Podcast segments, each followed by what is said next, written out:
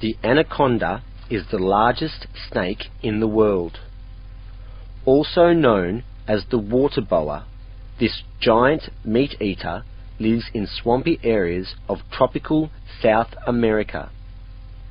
It spends a lot of time in shallow water, hidden from unsuspecting prey.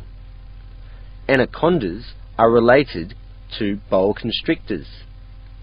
They give birth to 20 to 40 baby snakes at one time. Like all snakes, anacondas are cold-blooded.